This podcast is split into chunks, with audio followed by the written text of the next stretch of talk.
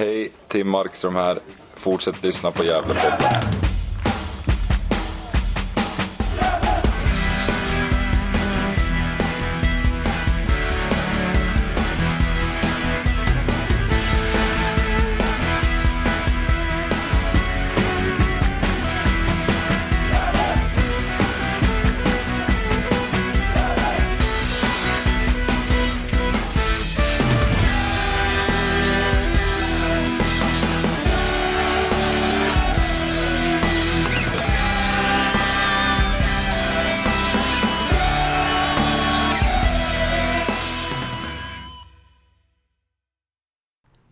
Hälsar alla lyssnare varmt välkommen till Gävlepodden 252. Och idag sitter vi här i min fina lägenhet. Jag och Johan Norrström. Hur är läget? Jo, det är fint. Eh, lite blykeps idag. Eh, det var lite festligheter igår och, och sådär. Så att, eh, eh men eh, det är ju ett måste nu när solen skiner och det är sommar och sådär. Man måste vara ute och roa sig lite också emellanåt. Visst är det så. Och eh, jag har ju varit iväg i fjällen och eh, fjällvandrat och sådär. Så det var otroligt härligt. Och just därför så kommer den här podden ut senare än vad det brukar göra. Vi brukar släppa ganska tidigt i veckan men nu blir det ett söndagssläpp. Så vissa kommer kanske höra det lite kommande vecka då. Mm, precis. Mm. Men vi spelar alltså in på söndag den 18 juli här. Ja, exakt. Ja, vi har ju lite semester du och jag också emellanåt. Kan inte bara prata fotboll hela tiden. Nej, inte alltid. Bara ibland. Bara ibland. Nej, men så jag har faktiskt ägnat eh, den här söndagsförmiddagen åt att se om matchen. Gävle-Karlstad. Jag missade den matchen. Och, eh, så vi ska ju beröra den en del.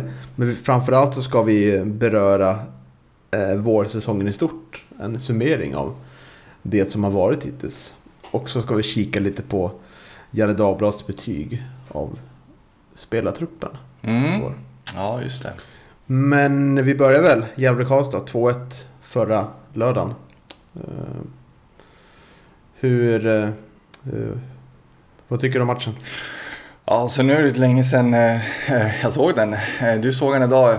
Jag såg den ju liksom på plats då, men ja, alltså otroligt viktig vinst i alla fall måste jag ju säga. Otroligt viktiga poäng och otroligt viktigt att eh, Leo Englund fick eh, göra mål där så småningom. Då. Han, eh, han började ju på bänken och eh, ja, men det överraskade många eh, tydligen. Men, men det överraskade inte mig utan jag tyckte att det var, det var ganska naturligt med tanke på hans vårsäsong. Att, jag tycker nästan att det var lite på tiden att han, att han fick börja på bänken. Nej, det är väl som vi har pratat om. Vi har sett att det inte fungerat med honom i den position han spelat med. Och eh, eh, man har bara suttit och väntat på att det kan ske den här bänkningen. Och eh, den kommer ju till slut. Och det, det är ju den stora snackisen i den här startelvan. Och att Sebastian Friman tar plats på, på mittfältet där. Jag vet inte vad som hände med Tuts. Har det kommit fram någonting? Nej, precis. tänkt Men jag tyckte jag såg honom på värvningen så att någonting måste ju ha hänt då under själva Mm. värvningen om, om han varit skadad då eller någonting sånt. Ja, för det är ju en, en klassisk eh, 4-4-2 defensiven också. Lite offensivt så blir det väl lax 3-4-3 då. Tolkar Mm. jag det som. Ja, Eh, och eh, ja, det är ju en första halvlek som... Mm, vi har ju, har ju svårt. De flesta chanserna kommer från Karlstads håll, får man ändå säga va? Ja det lär man ju säga och eh, jag tycker ju att det, det belyser ett litet problem med den här truppen tycker jag överhuvudtaget. Ja, nu fick ju Friman chansen då eh, eh, och man märker ju att det, det brister ju defensivt där ute på kanterna. Och det är väl någonting som jag tycker är ganska slående för, för den här säsongen, ja, första halvan. Att, att nu har man ju inte släppt in så otroligt mycket mål. Jag tog en titt på tabellen och sådär. Man har släppt in 19 mål och gjort 21 då. Men, men jag tycker ju att man, det blir för mycket luckor bakåt. Och man spelar sig, motståndarna spelar till sig alldeles för liksom klara chanser egentligen tycker jag. Den här matchen är inget undantag. Karlstad skapar ju en hel del. Och det är ju att man, de kombinerar sig fram oftast på kanterna tycker jag. Mm. Ja, mycket kring första halvlek tycker jag kretsar kring, kring vår vänsterkant. Både defensivt och offensivt. För de gångerna Karlstad kom, kommer igenom så är det ju genom vår vänsterkant där. De har deras ytter som inte kommer på namn just nu men skapar mycket mycket problem. Och... Eh, ja, för vi, vi blir liksom... Vi har svårt att komma igenom offensivt. Det, vi har liksom... Har ju liksom både Granat och Pontus Jonsson i lite mer offensiva fria roller men... Nej, de är ju inte så mycket delaktiga i den här matchen. De blir ganska låsta. Det är ett återkommande problem vi har haft tycker jag. När vi möter bra lag på hemmaplan. Att vi, vi har svårt att få dem i, i rull. Liksom, komma med fart och vända om. Utan det blir att det blir lite, blir lite... Att bollen fastnar liksom lite längre upp där och sen blir det inte så mycket farligheter. Så det är ju ett stort, stort problem. och Undantaget är ju det här målet som kommer då. Efter fint kombinationsspel med, med Albin Okangas, Sebbe Sandlund och Hjälte får avsluta. Det är ett riktigt bra, vänder om snabbt och hittar Louis där som kommer springande.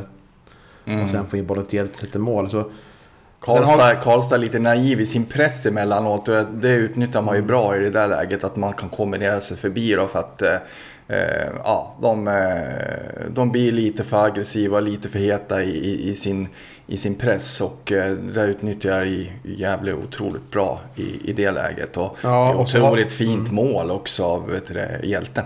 Mm, absolut. Och vi har ju en kort period efter målet också tycker jag att vi har bra kombinationsspel från vår kant också. Så det, det får man väl ta med sig första halvlek. Typ, kanske sista 5-10 minuter eller kvarten. Vi får se liksom. Men Jakob Hjelte tycker jag gör en jättefin, jättefin Ehm, position. Han får ju spela som, som det tar 9-55 minuter tills Leo kommer in. Men jag tycker han är mycket mer delaktig än vad Leo brukar vara i den rollen. Han kommer ner och hämtar boll, gör bra defensivt arbete. Han är mer delaktig i uppspelsfasen och hamnar ju på rätt lägen där fram också med sitt djupledsspel. Tycker jag är jättekul att se. Jag tycker jag vill framhålla hans insats, i alla fall när han får spela här längst fram 55 minuter som ett av de bästa i lagen, tycker jag ändå. Mm, absolut, det tycker jag också. Sen är det väl lite...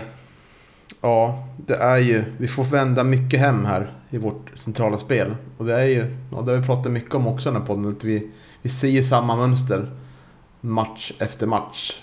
Att det, det är spelare som ofta blir pressade men inte kanske tar sig till lite längre med bollen. Kanske gå hem med bollen och sen försöka hitta nya positioner och driva fram. Utan det blir ansvaret tillbaka till backlinjen och så går det långsamt och så händer det inte så mycket. Mm. Ja, man undrar ju lite som, vad som har hänt eh, till, till den här säsongen och varför det har blivit sådär. För att eh, eh, jag tyckte att man spelade med ett helt annat mod under andra halvan av förra, förra säsongen jämfört med, med våren här nu då. Mm.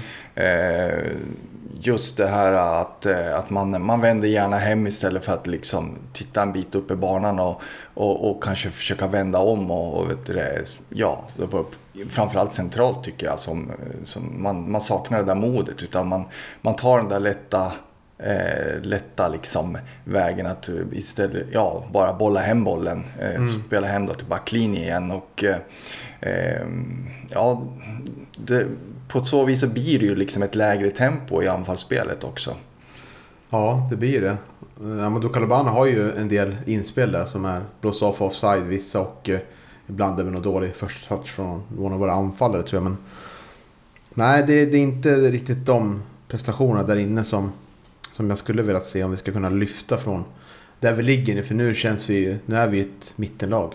Det, det får man väl erkänna liksom. Mm. Som det ser ut just nu. Och eh, Ja. ja, det är någonstans där eh, man kan förvänta sig att man hamnar den här säsongen för att eh, eh, ja, man hade ju lite känning på, på toppen där innan matchen mot Sandviken, derbyt där. Men, mm. men, men efter det så, så så har nog mitt hopp också liksom rasat för att man ska kunna vi... blanda, blanda in sig. Ja, i... det var väl som vi basunerade ut här när jag skrev mm. i avsnittsrubriken Tänk 20, 2022. Lite ja. där är vi väl. Ja, jo, men det är så lite är det. så. Det är ja. erkänna liksom. Det gäller, gäller egentligen att bygga den här hösten och uh, bygga upp ett självförtroende, uh, tror jag, som man, man kan ta med sig in till nästa säsong. Mm. Sen kommer det ju tidiga byten i andra halvlek, 55 minuten. Och undrar om de bytena hade kommit till om Micke Bengtsson står på sidlinjen där. Det känns som att... Eh, jag vill i alla fall inbilla mig. Jag tror säkert Micke hade en del i det, men det kändes som att det blev lite mer tidiga byten än det brukar vara. Men jag tycker det var en bra signal att de här bytena kom så pass tidigt. För man såg redan i början av andra halvlek att det här, det här är på väg att gå åt helt fel håll. vi är otroligt låga för vårt försvarsspel och Karlstad känns som att de är ganska nära att komma igenom gång på gång. Och de här bytena som görs då, det är ju dels Friman och eh, Sebastian Friman och Pontus Jonsson går ut. Leo Englund kommer in och Ibrahim Al-Hassan. Så Ibrahim Al-Hassan tar ju Frimans position då. Och eh, Leo går upp på hjälteposition och hjälte får spela ytteranfallare. Mm. Då blir det en ganska kort injektion där. Han har ju två otroligt fina lägen, Leo Englund. Först den här nicken här som den här kommentatorn vaknade till. Som var lite, ja, ganska bedrövlig får man väl säga. Som satt och... känns som man snorade liksom den sändningen. Man sa ingenting heller. Ja, det var lite märkligt. Men i alla fall så kunde han få den bollinlägget eh, bättre på mål. Och sen har skott där rakt på som var svårt läge kanske. Men det är de otroligt, otroligt fina lägena i alla fall. Mm. Hade vi ett mål där så hade vi kanske kunnat stänga matchen mer. Mm. Det blir en matchbild tycker jag i andra som kanske passade jävligt ganska bra i det läge man är nu också. Att man fick eh, satsa på lite omställningar och, och sådär. Vi, vi har ju snabba, kvicka spelare eh, som, som just det här omställningsspelet passar. Det passar ju dem väldigt bra. Mm. Plus att man har Leo Englund där framme som är ju en erkänt duktig målskytt. Mm. Eh, och... Eh, ja, även Al-Hassan då som, har, som är, liksom, är snabb så att säga. Så att, eh, jag tror att det kunde, även om känslan var ju när man, när man såg matchen och, vet du, att, att, liksom, att nu, nu kommer Karlstad göra mål när mm. som helst. Men, men, men det var ändå en matchbild som eh, passade jävligt ganska bra, tycker jag då. Mm, jag tycker bytena var, var helt rätt som gjordes. Men jag tycker att man borde kunna få in någon central mittfältare istället också. För jag tycker det funkar inte klockrent där. Och Sandlund och Calabane tycker att det skulle behöva komma in någon som har tagit taktpinnen. Som vi har berömt. Oskar Karlsson är ju duktig att ta boll och vända framåt. Jag Tror att han hade kunnat behövas lite tidigare. Han har ju liksom... Får ju knappt någon speltid alls nu liksom. Tyvärr liksom. Från att ha gått och varit... Ja, mer eller mindre konkurrerar med startplats så är han ju väldigt långt ifrån den här startelvan nu. Vilket vi båda tycker är synd. Eller? Ja, det är lite märkligt som sagt. Det var ju nämnt tidigare på podden också att vi tycker att eh, han vikarierade riktigt bra när, när Sebastian Sandholm var eh, skadad. Då. Mm. För sen kom ju 69 minuten 1-1. Det är väl någon positions eller räknefel brukar man säga i backlinjen. För han blir helt ren på kanten där. Och sen blir det... Ja. Ja, även centralt eh, så tappar man ju markeringen på, på, på målskytten där också. Nu kommer jag inte ihåg vem som gjorde målet, men han får, får ju stå löjligt fri där eh, precis vid straffpunkten. Så mm. att, eh, det, är ju en, det är ju en försvarsmiss rakt igenom egentligen. Ja. Och det där, just de där inspelen såg man ju att Karlstad försökte sig på hur många gånger som helst under matchen och till slut så lyckades man. Man, man var, hade ju några farliga liknande lägen också mm. under, under matchens gång. Så att um, det, det, är någonting som inte riktigt fungerar eh, defensivt för, för Gävle tycker jag. Jag tycker att eh, motståndarna får spela sig in i, i straffområdet alldeles för lätt. Ja, vi har ju tidigare pratat om att eh, vi tycker att det fungerar rent strukturmässigt i försvarsspelet. Men vi kanske får omvärdera just den, den analysen. Och, för nu har det kommit till ganska många mål där det likt detta är liksom, man blir helt fri ute på kanten kan spela in och sen har ingen markering där inne. Så. Nej, exakt. Det är egentligen samma på eh, BP's segermål där i, i matchen innan också. Det är ju också en, eh, ja, han får ju all, får alldeles för fri ute på kanten där själv när han gör inlägget. Så att, mm. eh, ja, det är många sådana liksom, liknande situationer som jag tycker att eh, tränarna måste titta på till, till hösten här. Ja, och sen får vi ju ganska fint läge. Det blir ganska mycket mer öppet efter ett målet. Båda lagen vill ju, vill ju vinna. Mm. Eh, Ibrahim Al-Hassan har ju det här ramträffen där, skottet där. Och han ser ju, alltså, han ser mer giftig, giftig. Han, har, han är ju lite vek i duellspelet ibland då. Som matchen mot BP så hade några lägen när det var en mot en och slarvade bort liksom. Men man ser att det finns någonting där ändå. Och det tror jag Micke också ser, för han får ju mer, mer och mer förtroende nu. Mm. Jo, men det är ju så med, med Fri, Friman och Ciuccio, eh, Al-Hassan eh, ute på kanterna där och ä- även eh, Pontus Jonsson så tycker jag att det blir, alltså det, det blir ändå en, det påverkar den defensiva balansen på något vis. För det märks att det här är anfallare i grunden, de flesta av dem. Och, eh, och det märks ju att Sebastian Friman eh, har ju absolut inte sina styrkor i det defensiva liksom, jobbet heller. Så ehm, ja, jag vet inte. Det finns mycket offensiv kraft i Gävle men jag tycker att det, det, man måste försöka balansera upp det där bättre på något vis. För att ehm, jag tycker, jag tycker att eh, man släpper till alldeles för mycket eh, chanser bakåt.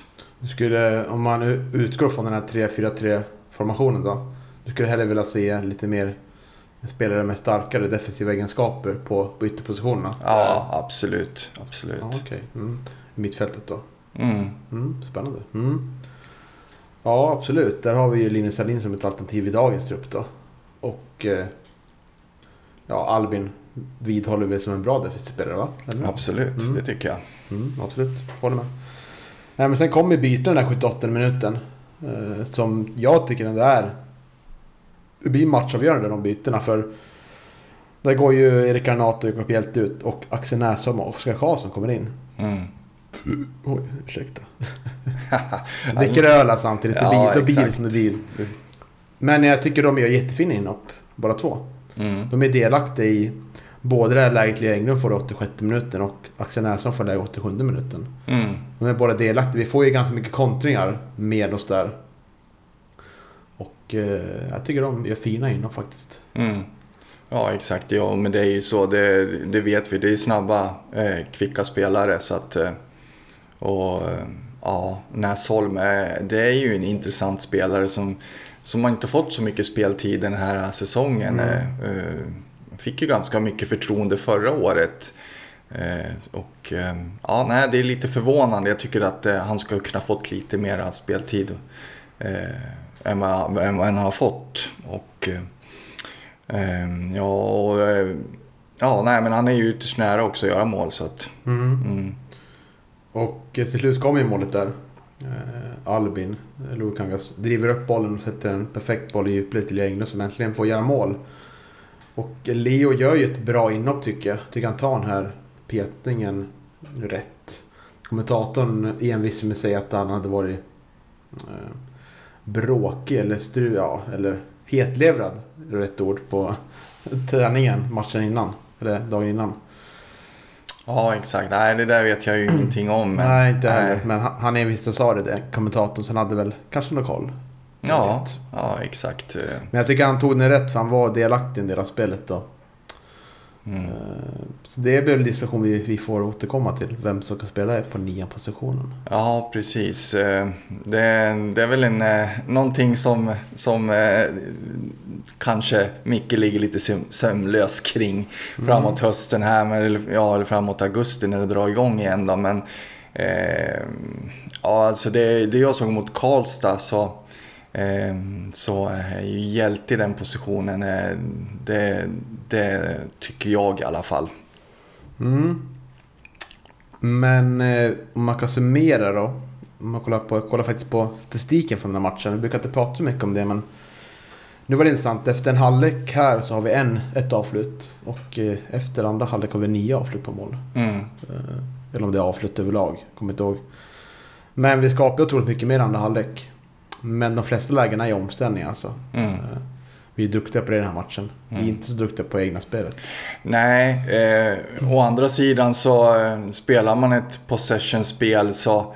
Eh, eller tanken är att man ska spela ett possession-spel. Det är inte, de flesta chanser de, de sker ju inte för att man spelar från, från målvakt liksom upp till forwards hela vägen. Utan det är ju så, de flesta mål eh, görs ju faktiskt på omställningar oavsett liksom vilket spelsystem man nu råkar liksom spela så att säga. Ja, om du skulle passa på att eh, hylla några spelare och sätta frågetecken på några spelare från den här matchen. Från matchen? Ja, eh, vi har ju varit inne på Hjälte tidigare. Absolut, det tycker jag. Eh, Mm. Ska ju hyllas. Eh, frågetecken vill jag sätta på Pontus Jonsson som jag tycker gör en riktigt svag insats. Mm. Eh, inte alls konstigt att han får kliva av. Och man, eh, man funderar ju lite vad som har hänt med hans form. Ja, där har vi pratat mycket om den spelaren. Eh, Det har blivit en, ja, lite av en favoritspelare när han är sina bästa dagar i den här Mm. truppen, tycker jag ändå. Men nu, både han och eh, ja, Erik Arnott spelar ju sådana här roller där de ska få mycket boll, men ingen av dem får ju mycket boll i sig i sina positioner. Och jag vet inte vad det riktigt beror på, liksom. det är för att det är för bra motstånd du möter den här matchen kan markera, eller Ja, det kanske är självförtroendespelare liksom. Kanske framförallt Pontus liksom. Han, vi liksom såg ju när vi intervjuade honom efter första matchen där. Otroligt deppig liksom. Och eh, nu har vi liksom eh, hamnat i en dålig period igen. Och kanske är otroligt mycket självförtroendespelare liksom. Som behöver liksom att några få saker ska gå rätt en viss match för att de ska kunna flyga liksom. Och nu... Ja, nu går det inte mycket, mycket rätt tyvärr. Utan det är mycket som väldigt lite delaktig i spelet. Han behöver vara mycket delaktig i spelet för att det ska kunna gå bra. Så. Ja, det är oroväckande att det för nu har det gått så lång tid nu den här säsongen. Alltså, vi har spelat, spelat 10-11 matcher. Mer att spela va kanske? Mm, ja, precis. Vi har spelat, vad blir det, 14 matcher nu? 14 matcher till och med. Mm, Och han har, vad har han varit bra i? En tredjedel kanske? Så Ja. mm. Och det är ju under all, under all, all godkänd nivå tycker jag. Ja, absolut. Vi hade ju stora förhoppningar på honom eh, efter försäsongen där. Och, Mm. eh, Men och sen skedde någonting. Na- naturligtvis så, så, eh, så påverkas ju han av att eh, resten av laget också får en dålig start. Eh, mm, Sen så har han ju en väldigt bra period där. han, Där det blir fyra mål i, ett par matcher där. Mm. Och då hade man ju förhoppningar om att han hade kommit igång då. Men, men nu på slutet så har det, har det liksom inte stämt för honom tycker jag. Alls. Nej, det har ju inte det och jag vill också hur man kan tänka om där, hur vi ska använda honom på ett sätt. För att det verkar ju nu som att om man utgår från det här spelarmaterialet så är det väldigt svårt att få bollen där vi vill att den ska vara. Vi vill, vill jag mena med det här spelsystemet, få bollen till Erik Granat och Pontus Jonsson. Att de ska kunna få in bollen till, eh, till nummer nio då. Mm. Eller någon på ytterkanten. Det får vi väldigt lite, tyvärr, i många matcher. Mm. Så där måste man verkligen tänka om. Vi, vi, vill vi ha in spelare längre fram eller vill vi ha spelare längre bak som sköter, sköter det bättre? Nej, så det, det, det kan vi komma in på senare kanske. Ja, precis. Det kan vi göra. Men eh, jag skulle vilja hylla på Team Markström. Otroligt eh, fin räddning här på slutet där när han kom helt fri. Eh, vi har ju dissat honom en del i podden, eller hur? Ja, men det har vi gjort. Eh, Du, han gör ju många bra räddningar i den här matchen och du kanske tänker främst på precis när Karlstad hade gjort 1-1 där och det, det var ett friläge. Ja, eh, otroligt viktig räddning för, för hade Karlstad gjort mål där då, eh, då tror jag hade varit ridå. Då hade det blivit fyra raka torsk. Mm. Visst är det så? Ja, men ska vi lämna matchen och gå in på summeringen av vårsången?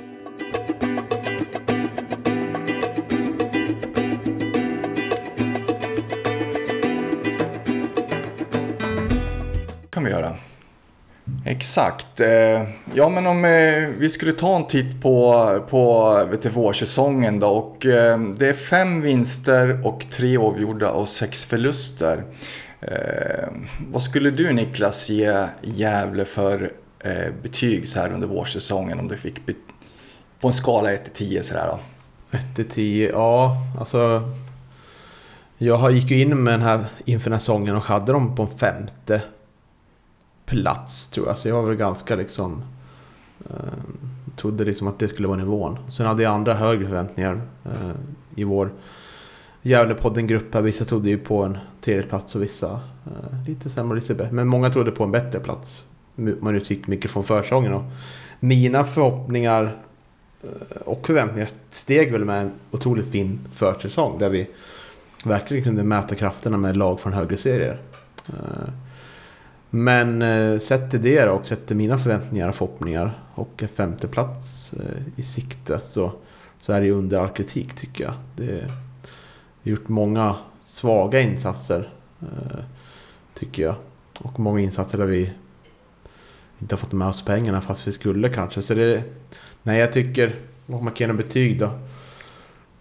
fyra blir det väl kanske. Fyra av tio. Eh, vi ska ju liksom vara topp fem minst tycker jag med den här spelartruppen. Men det är för många som har hamnat i formsvackor och det är ett spel som inte har suttit. Det har blivit liksom experimenterat från olika formationer och sånt. Och säger ju en del tycker jag att främste målskytt står på, är det fyra eller fem baljor nu? Mm, fyra mål. Ja. Mm. Och... Eh, Varav en är mittback. ja, precis. Och eh, Pontus Jonsson är väl inte heller eh, känd för att vara den främsta målskytten. Så länge han har spelat vad jag vet, vet så. Så jag har, gjort, jag har gjort för lite mål framåt liksom. Och släppt in för mycket enkla mål så. Det är väl inte, inte godkänt. Vad tycker du själv? Ja, nej, alltså det är klart jag är inne på samma spår. Eh, eh, jag trodde väl och hoppades på en fjärde placering. Nu, nu ligger man åtta eh, och det är kanske inte främst placeringen. Det, det är ganska tätt liksom poängmässigt och jag menar den här femteplatsen finns ju inom räckhåll. Men det, så det kanske inte direkt poängskörden även om jag hade hoppats att den skulle vara bättre. Utan jag tycker att det är mest spelet som har, som har varit en stor besvikelse för mig. Att man inte, att man inte liksom har...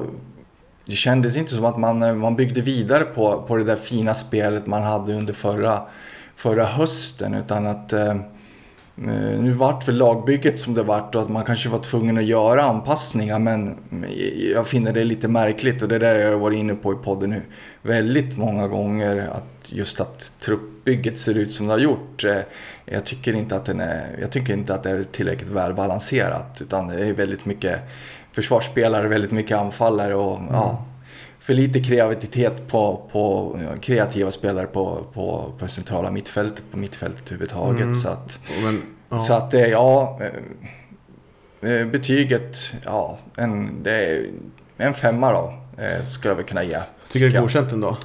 Ah, Ja, godkänt. Det är en svagt godkänt i så fall. Ja. men se, han förlorar sex matcher. Vi har förlorat mot Sandviken, BP, Dalkurd, Örebro Syrianska, Hudiksvall och Luleå va? Mm, Fyra av de här sex lagen är ju övre halvan lag. Det sätter väl också så här... sätter lite perspektiv med Ja, att vi räcker lite mycket till mot de här lagen som eh, spelar bättre fotboll eh, än oss. Mm, Eller spelar, spelar mer vägvinnande fotboll kan man också säga liksom. mm. Eh, inte trampa någon på tårna sådär. Nej, men samtidigt så, jag menar ambitionen för, för Gävle är ju att spela vägvinnande fotboll också. Och eh, eh, Eh, det är egentligen en punkt eh, lite längre ner på, på min summering här. Men, men vad skulle du säga då? Jag tycker ju att eh, man har ju man har ju problem att spela sitt e-, egna spel när man möter de här ja, förväntade topplagen. Då, och, men samtidigt så tycker jag även att spelet haltar emot mot de lagen som de ska ha bakom sig i tabellen. Liksom. Är, är det någonting du håller med mig om? Ja, det gör jag. Eh, absolut. Eh, man kan ju så här ställa sig frågan, när, när, när såg vi en riktigt bra match från Gävle IF senast? Ska man ta år så, alltså det är svårt att hitta en hel, hel full genomförd match över 90 minuter. Så är det med alla lag tror jag, förutom de här riktigt bra. Men då kommer man ju tänka på så här, en halvlek mot Dalkurd såg riktigt bra ut. Eh, men annars är det inte så mycket man, förutom någon halvlek hit och dit, man tar med sig Mm. från år. Utan det är väl någon match från förra året man tänker då, när vi hade Iron i truppen. Då såg det ju riktigt bra ut den hösten liksom. Vi flög fram och alla kommer ihåg Sollentuna-matchen där. Mm. Eh. Man hade 40-45 minuter bra mot, eh, mot eh, Silvia också när Ja. man vinner med 3-2. Men Ja, det är som du säger, inte, inte sett över 90 minuter så eh, Eh, man, är, man vinner ju klart mot Täby men man är ju jättedålig i första 45 där exempelvis. Att, Mm. Ja, nu har man ändå, man ändå provat med en 4-4-2 i början av säsongen. Det gick inte alls. Man har gått mer mot en 3-4-3 nu mot senare delen av säsongen. Det går inte heller riktigt bra. Så det, det Micke behöver tänka på det är att hur, hur får jag liksom de här spelarna som ska vara med att eh, göra poäng för mitt lag. Och det är Rickard Nath, det är Pontus Jonsson, det är Englund, eh, Jakob Hjälte. Eh, primärt får man säga ändå. ja, absolut. Hur får jag dem i spel och rättvända för att kunna skapa chanser? För där ser vi ibland att det finns ett visst kombinationsspel, men vi ser det aldrig för sällan. Och jag tror på något sätt att man måste liksom tänka vilka spelare har jag längre bak som kan få fram bollen dit. För Vi har ju sett i vissa matcher att Isak Liberg fanns i truppen och Pontus Jonsson var i bra form. Då gick de ner och hämtade boll och därifrån skapade vi läge men eh, jag tror inte de brukar göra det varje match heller utan det behöver vara bättre spel där bakom. Jag tror det på något sätt jag landar i ändå. Mm, mm. Jag vet inte, alltså formationsmässigt, det är svårt att säga vad som skulle kunna vara annorlunda där. Jag tycker att vi får många bra alternativ på plan med, med en 3-4-3, men vi har ju sett en 4-4-2. Fungerar inte med Liberg och Englund på topp. Kanske fungerar bättre med Jakob Hjelte och Lea Englund. Vad, vad vet jag liksom, men... Ja, Mm. svårt. Vad tycker, Ja. du, vad tycker du själv? Ja, nej, alltså det är ju... I, I många matcher så spelar man ju sig fram, tycker jag, ganska bra eh, till den sista tredjedelen. Och det, det här tycker jag har varit ett problem för, ja, alltså under många säsonger för Gävle nu.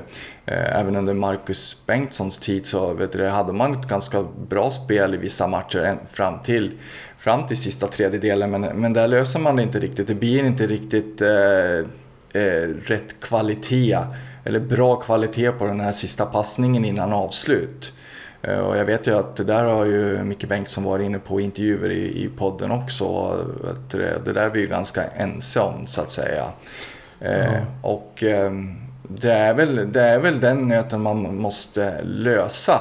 Och eh, det är det som är förvånar mig lite för jag tycker ändå att den som har, levererat de här bästa bollarna eh, han verkar ju ha hamnat väldigt mycket i frysboxen och det är ju faktiskt Nisse Nilsson tycker jag.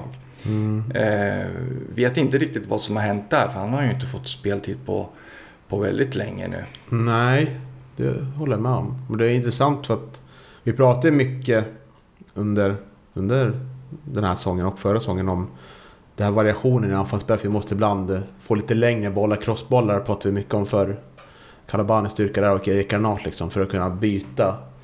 eh, Slå sönder deras mönster i försvarsspelet och flytta bollen snabbt. Mm. Och det har vi, vi har också pratat om att vårt inläggsspel är helt obefintligt. När var senaste gången vi slog ett inlägg och någon gick in i mål?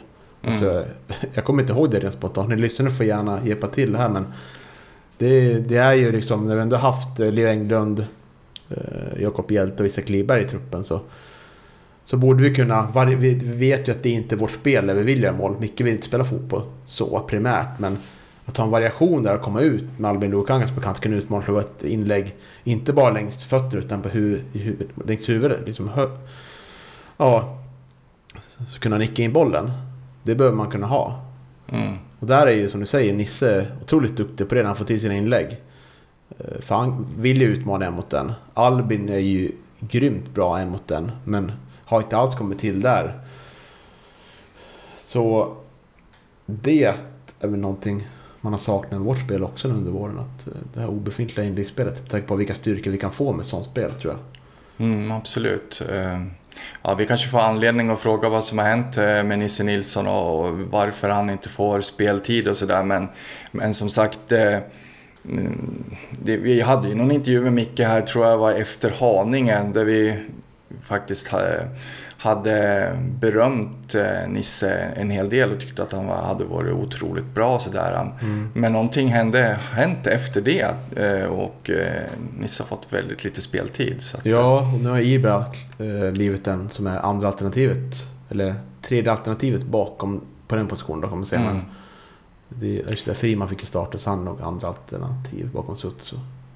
Ja, exakt. Och ja, som sagt, undra varför. Och det där är vi ju lite inne på den här eh, defensiva balansen också. Jag tycker ju att, att eh, Nisse passar bättre i, i den positionen också. Är liksom, han är ju duktig även eh, defensivt.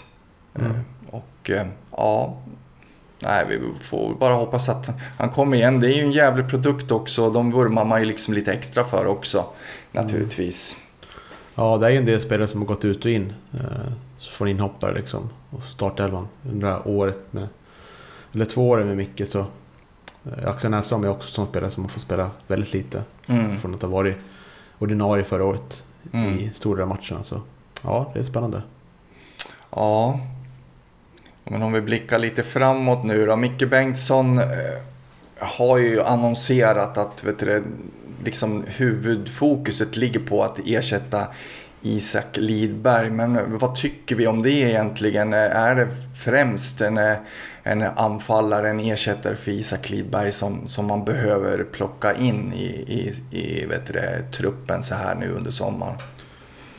Nej, men om man ska... Om det blir så att det blir fokus på en spelare då. Om vi utgår från det. Att det blir en spelare som kanske är, kostar lite mer än de andra nyförvärven, eventuella. Mm.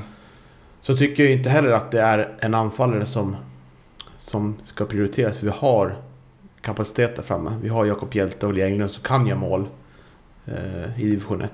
Det har de visat år efter år.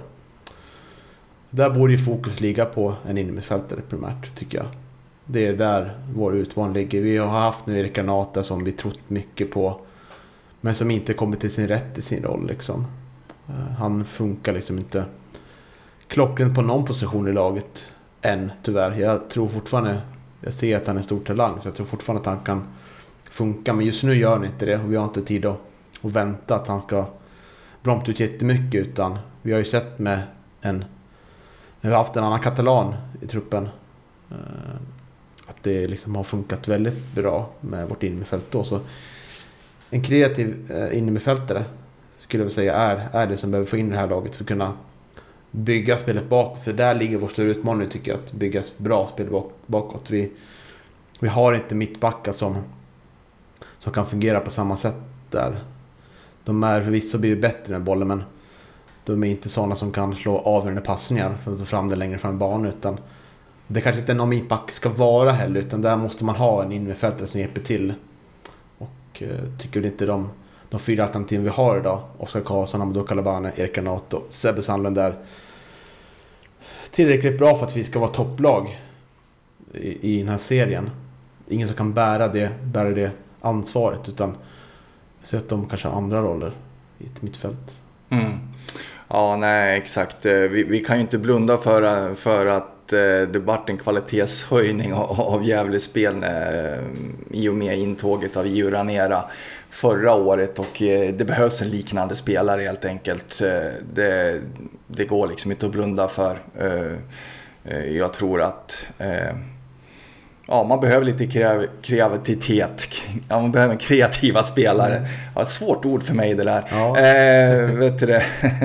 men eh, ja, nej, men man behöver, man behöver en, en sån spelare centralt för, som, som kan styra spelet och, och få lite lugn i, i anfallsspelet också. Liksom. Eh, tycker jag. Eh, och, men, ja, jag fortsätter. nej, fortsätt. Eh. Nej men de rykten som har gått nu, eller det enda ryktet är ju en anfallare ska in. Men det Mm. verkar inte landa liksom. Så det, det verkar tyvärr vara att det är, det är liksom det huvudfokus från vår tränares håll. Och, eh, eh, Och det är ju märkligt för att det finns så otroligt mycket an- anfallsalternativ i truppen redan som det är. Och eh, eh, som sagt, eh, vi- alla, alla tycker jag börjar se vad, vad som saknas eh, om man jämför hösten och den här vårsäsongen nu då. mm, absolut. Ja, eh, och eh, när vi liksom är lite inne på det här så, så eh, Micke Bengtsson, naturligtvis med, med, med tanke på resultaten så, så har han ju blivit lite ifrågasatt nu och sådär och eh, av vissa supportrar och, och sådär och att vissa nyförvärv har, har kanske att, eh, har en lite för mycket Sundsvalls profil, att han knyter åt sig mest spelare som, som liksom han har en historia med och sådär. Eh, eh, hur ser du på det? Ja, alltså jag tycker att man kan ge tränare tålamod. Eh, Ingen av oss hade förväntat sig att vi skulle gå upp det här året. Och säsongen kan fortfarande räddas med en femteplats såklart. Som jag tror att många, många supporter skulle, skulle vara nöjda med efter en säsong. Då vi slutade sjua förra året va? Mm. Mm. Så det, jag ser väl, skulle väl ge han förtroende fortfarande om vi lyckas komma i närheten av den platsen såklart. Men man ser väl också så här tendenser att eh, man måste kanske vidga sina vyer lite mer med spelarnyförvärv. Och eh, vi har väl talat ganska mycket om, det var länge sedan vi pratade om det, med den här sportchefsrollen. Som var ganska aktuell. Vi pratade mycket om den eh, när eh, Marcus Bengtsson var tränare va? Att vi inte Mm. hade någon sportchef där. Jag gjorde väl innan också. Och, eh, eh, så jag tror att det är viktigt att man får in någon kompetens där också som har lite mer sportchefsroll. Liksom. Jag tror att, eh, tror att det behövs. Dels för att inte, ska, han ska kunna sitta på all den makten heller. Om man en dag rämlar. Liksom, att det måste vara mer, en bättre maktfördelning där inom klubben kontra tränaren. Mm. Tycker jag är viktigt. Eh, Så det, det skulle jag väl vilja, vilja in ganska snart. Det tror jag många också vill ha in. För vi måste liksom kunna bredda vårt eh, kontaktnät. Sen vet jag såklart, som, som många säger, att det är dyrt att värva äldre spelare såklart. Billigare att värva eh, yngre spelare. Men jag tror att eh, eh vi måste liksom vidga våra, våra vyer, liksom, kanske få in spelare från andra områden också. För jag tror att Gävle har liksom ett fortfarande fint rykte liksom. Även i, i bland Stockholms eh, klubbar liksom så här, Som ligger i ettan eller lägre liksom. Det går nog att hitta där också fina, fina alternativ att lösa, tror jag. Om man Mm spelar sina kort rätt. Men han har väl mitt förtroende just nu, tycker jag. Eh, sen kan väl mycket, mycket hända. Skulle det bli en jättedålig höst så, så kommer nog jag kanske också börja ställa mig lite mer. Vilja svara på vissa frågor. Mm. Hur känner du? Ja, nej, absolut. eh, Ja, vi måste ju ha lite tålamod naturligtvis. Det, det var ingen som väntade sig att vi skulle gå upp som du säger. Och, eh, ja, eh, nej, jag, jag, liksom, jag tycker att det är svårt. Jag, jag, jag vill ju liksom att, eh, att eh, vi ska ha lite tålamod i Gävle nu. Det, eh, man satsar på att nå eliten 2025 liksom. Och eh, det känns lite drastiskt att, att nu har man startat någonting med Micke här och i Gävle liksom och försöker ändå liksom skaffa sig en identitet eh, av, av ett mera spelförande fotbollslag och sådär jämfört med tidigare. Och, och sådär. Och, ja, det tar mer tid i, i vissa föreningar än andra och vi, vi vet ju också att Gävle brottas ju liksom ekonomiskt eh, och har inte liksom resurser som de här topplagen som Sandviken och Dalkurd och, och BP och, och Karlstad. Det, det, man, man ligger efter där och det, det syns både på organisation och, och, och, och spelartrupp. Så att, eh, ja, nej, alltså att redan nu börja ifrågasätta hans roll som tränare eh, tycker jag är, liksom, det är lite väl tidigt. Och, eh, men, eh, men samtidigt så absolut, eh, jag tror att eh, kanske redan till nästa säsong så kanske man måste börja titta på en, eh, en, eh, en sportchef. Mm, Jag tror sen- att det kan vara bra. Mm. Men sen tycker jag liksom att eh, man, det är viktigt tror jag med en progression i resultaten. Att vi kom sju förra året tror jag det är viktigt att vi kommer bättre än det. För att man ska kunna... Och det tror jag, om man gör det så är ju förhoppningsvis också spelet en väg ditåt. Att man får förbättra spelet och förbättra spelet. så man slipper hålla på byta utan man slipper bara justera liksom, eh, sina principer. Och, eller inte principer utan justera hur man vill spela liksom. Eh, med små saker sådär. För nu har det varit en säsong där vi behövt eh, justera ganska mycket har det känns som. Liksom, formationsmässigt och sånt. Och jag tror det kanske, ja, det kanske skadar processen liksom. Mm. Men även alltså, poängmässigt så tycker jag också att det ska vara en progression. Att det ska gå framåt liksom. Det är väl lite oroväckande att inte göra det. Ja, absolut. Det, det kan jag hålla med om. Eh, nu eh, är vi bara i halvtid så att eh, i stort sett lite under det. Så att vi, vi får väl helt enkelt se hur, hur det sker, vad som sker här i höst och så. Men, men jag håller ju med om att eh, man kommer kanske ha lite mer frågor utifall det, det fortsätter som det har gjort nu och även under hösten. Eh, Så eh, det, det blir ganska viktigt eh, nu här under de här veckorna innan, innan det startar igen så att säga och se vad- man kan få in eh, för nyförvärv och sådär. Mm, Mm. Ja, eh, och apropå den här sportchefsrollen då. Jag vet att eh, på, på vårt kära forum på Svenska fans så har man eh, några som har lyft den här idén om att eh, Marcus Bengtsson kanske skulle kunna tas tillbaka i en ledande roll i, i föreningen. Hur ser, ser du på det Niklas? Ja, det är otroligt många gillningar det inlägget fick. det. För 24 gillningar. Jag jag aldrig sett så mycket gillningar på ett Svenska fans forum Gävle IF. 24 stycken med väldigt dåligt minne eller? Ja, jag vet inte. Jag tycker det var märkligt i alla fall. Nej, nej man får väl... Man får väl sätta det som i kontext också att när han var sportchef i klubben, eller när han var sportligt ansvarig då. eh, Vi hade ingen sportchef då. I den bemärkelsen. Så var det ju det, det jag tror de flesta tänker primärt på superettan-året där. Och då hade vi en annan ekonomisk situation i föreningen. Vi kunde ta in spelare som eh, Jakob Ortmark var väl där då. Mm. Sista året som nu spelar i Sirius. Eh, Isak Chase skrev någon också. Och eh, det var flera som kom in då som hade...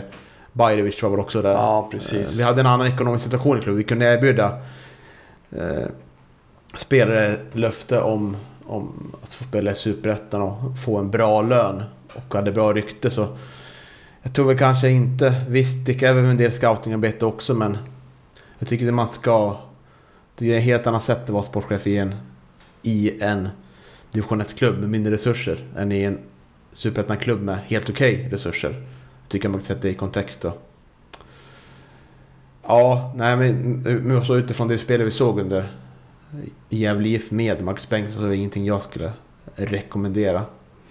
Nej, nej precis. Ehm, jag vet ju att eh, han är ju otro, var ju otroligt eh, omtyckt i, i, under sin eh, tid i akademi, akademin och sådär. Jag menar, den dagen kanske Jocke Karlsson tackar för sig som akademiansvarig så tycker jag att det kanske skulle vara en väldigt passande roll för Marcus i så fall. Där, där tror jag att han skulle passa otroligt bra.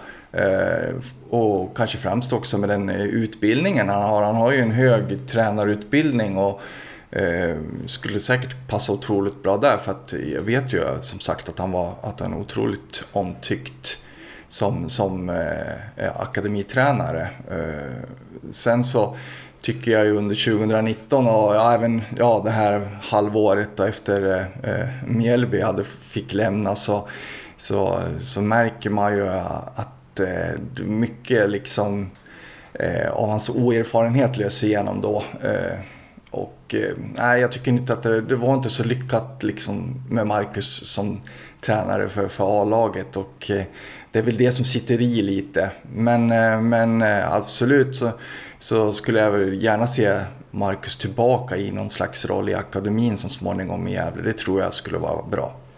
Mm, ja, vi får se. Eh, Ja, var det mer frågor? Nej, utan nu så, så ville du prata lite om betygssättningen i GD. Den där, har- frågan har vi återkommit till eh, ganska många gånger vet jag i, i podden.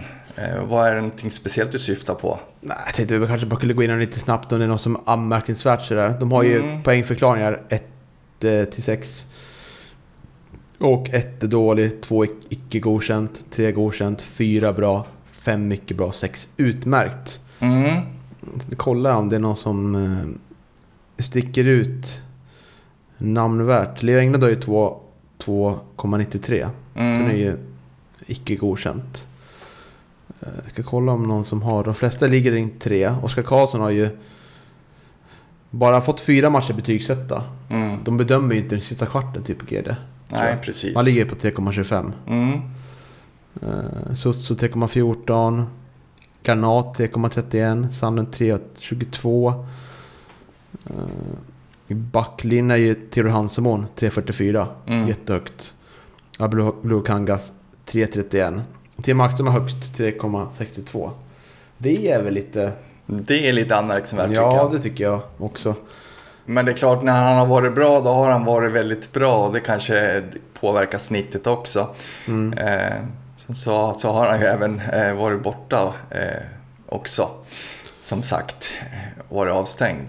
Mm. Mm. Sen har vi Linus Wallin på 3,0. Och det är väl en spelare vi tycker varit, eh, varit bäst ändå kanske. Ja, absolut. Det har vi varit inne på i tidigare. Genomgående tycker jag så är ju Linus Salin den som har varit bäst här under våren, tycker jag. Mm. Det kanske inte finns så mycket att prata om här för övrigt. Uh, Isak Liberg är med 3,9. Ja. 3,09. Mm, mm. Eh, och kanske ska vara lite högre där med tanke på avslutning där. Ja. Ja, nej men det är väl så det, när det gäller fotboll. Det åsikter det finns det väldigt många av, lika många som det finns personer och eh, visst har man väl höjt på ögonbrynen vid, vid vissa betygssättningar Mm. eh, sådär men, eh, men det är såklart, eh, man, man får ju tycka som man vill. mm. Ja, det är lite, de gör det lite lätt för sig ibland kan jag när det kommer in och spelar med en kvart kvar. Att det där, jag kan inte betygsättas. Det, det, jag menar man kan ju betygsättas för allt man gör, menar jag liksom. Ja, det kan man absolut göra. Det, man, kan, eh, man kan ju påverka väldigt lite och man kan ju påverka väldigt mycket i en matchbild eh, på 15 minuter. Det, Ja, du kan stå väldigt rätt och finna uppspel utan att röra bollen liksom. Mm. Definitivt. du kan ju komma in och avgöra en, en match med två Ja. mål så här, på sista kvarten. Och, Jag undrar om de hade betygsatt en spelare då. Ja, exakt. Det är någonting vi får återkomma till och vi får fråga kanske. Mm. Nej, men ska vi börja kolla framåt då? Mm. Vi är uppehåll nu på eh, några veckor. Ja, Eh, och vi i podden kommer att börja planera för nästa Studio Carrick. exakt. Som ska ske i augusti i början där. Tänker spontant utan att ha kollat med vad vi kan vara och med alla inblandade så där... Eh, helgen där var Piteå på en torsdag. Kanske på lördag söndag där då. Ja, exakt. Vi får försöka sy ihop det här. Kolla våra scheman och sådär helt Mm. enkelt. Precis. Och så håller vi på.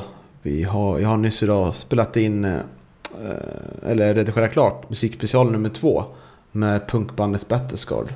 Mm, Det kommer släppas spännande. på Patreon jättesnart. Ja. Det var jättetrevligt samtal faktiskt. ja, men det ska bli jätteroligt att lyssna på. Ja, det, det tycker jag. Jag ställer frågan där. Vad skulle ni kunna spela in för nästa låt med liv? Skulle det vara om när föreningen firar 140 år nästa år? Eller skulle det vara om spelare eller om Strömvallen? Sådär, så det kan man ju lyssna på och kolla vad de svarade på det. Mm, jag tycker absolut ni ska göra. Mm. Sen har vi inte jättemycket annat i planeringen. Vi ska väl... Jo, det har vi faktiskt. Vi har ju tabelltippningen vi ska försöka sy ihop på något bra sätt. Ja, just det. En Eh, eh, summering av halva säsongen. ja, exakt. Vi, vi får eh, kolla med övriga om, när de har tid och sådär. Det, är- det är svårt i semestertider såklart. Ja, visst är det det. Mm. Visst är det det. Nej, men följ gärna oss på sociala medier. Eh, på Twitter och vår Facebookgrupp Gällepodden och på Instagram. Och bli gärna Patreon om ni tycker det vi gör är vettigt. Så får ni poddar före alla andra. Mm. Då får ni ha det så bra himmelsblå vänner så hörs vi.